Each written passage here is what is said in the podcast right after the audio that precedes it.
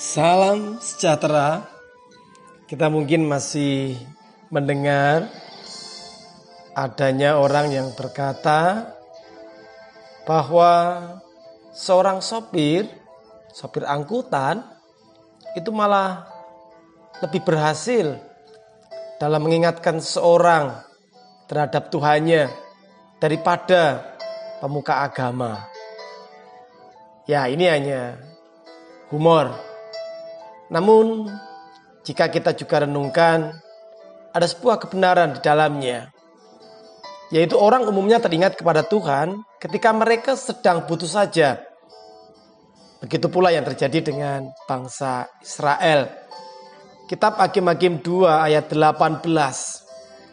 Setiap kali apabila Tuhan membangkitkan seorang hakim bagi mereka, maka Tuhan menyertai hakim itu dan menyelamatkan mereka dari tangan musuh mereka selama hakim itu hidup. Sebab Tuhan berbelas kasihan mendengar rintihan mereka karena orang-orang yang mendesak dan menindas mereka. Dalam kisah Yosua, bangsa-bangsa di sekitar Israel dengan kepercayaannya yang berbeda itu seolah-olah sengaja dibiarkan ada oleh Tuhan. Kehadiran mereka menjadi ujian dalam hubungan Israel dengan Tuhan. Di tengah banyaknya godaan kepercayaan lain, Israel harus membuktikan dirinya sebagai umat yang setia kepada Tuhan Terbukti Israel sering kali gagal dalam komitmennya dan mereka pun mengalami penindasan. Namun, tiap kali mereka tertindas, segera mereka berteriak kepada Tuhan. Tuhan pun melepaskan mereka dengan membangkitkan seorang hakim di antara mereka.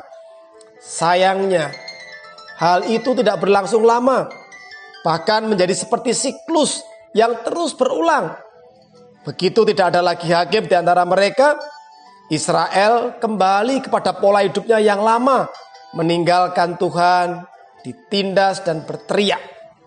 Boleh dibilang Israel baru berpaling kepada Tuhan saat mereka sulit. Kesulitan memang bisa membuat kita ingat akan Tuhan dan mendekatkan diri kepadanya. Bukankah penyakit, kegagalan, karier, atau keretakan rumah tangga juga bisa membuat kita makin tekun berdoa. Namun, apakah harus begitu? Harus menunggu ada persoalan-persoalan sakit penyakit baru kita tekun berdoa. Mari kita terus mendekat kepada Tuhan. Tuhan memberkati.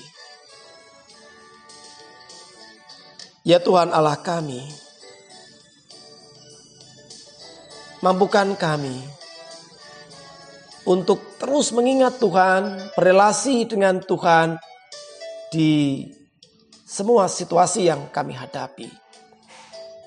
Ya Tuhan berkati kami, berkati gereja kami, berkati kami setiap rumah tangga, setiap keluarga, para orang tua, para bapak, para ibu, para simba, para pensiunan.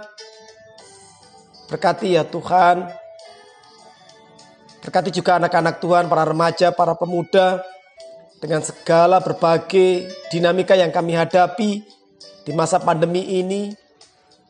Dalam kami belajar, dalam kami bekerja, dalam kami berelasi, beribadah. Tuhan dalam permohonan-permohonan kami untuk mendapatkan momongan, mendapatkan jodoh, mendapatkan pekerjaan. Kami mohon kemurahan Tuhan. Ya Tuhan Allah kami, pada saat ini kami mendukung dalam doa untuk penghiburan bagi keluarga besar Ibu Kartini. Tuhan juga hibur bagi keluarga besar dari almarhum Ibu Mukirah Yatno Sudarmo. Kami juga terus mendukung dalam doa untuk Ibu Sri Surani, Ibu Sunario, Bapak Sugiono Hati yang saat ini dalam pemulihan kesehatan di rumah. Juga kami mohonkan doa pemulihan untuk Ibu Sudarman, Ibu Radio, Ibu Supiningsi, Bapak Setiarjo, Ibu Tiwi Diarto, Bapak Sarjono, Ibu Sri Astuti, Mas Yonatan, anak Elena, dan juga Ibu Sutini, Sri Arjanto, keluarga dari Bapak Ibu Sutrisno, Saat ini pun juga kami mendukung dalam doa bagi keluarga besar, keluarga Bapak Pendeta Wahyu Nugroho, KJ Trujuk yang juga dalam isolasi mandiri.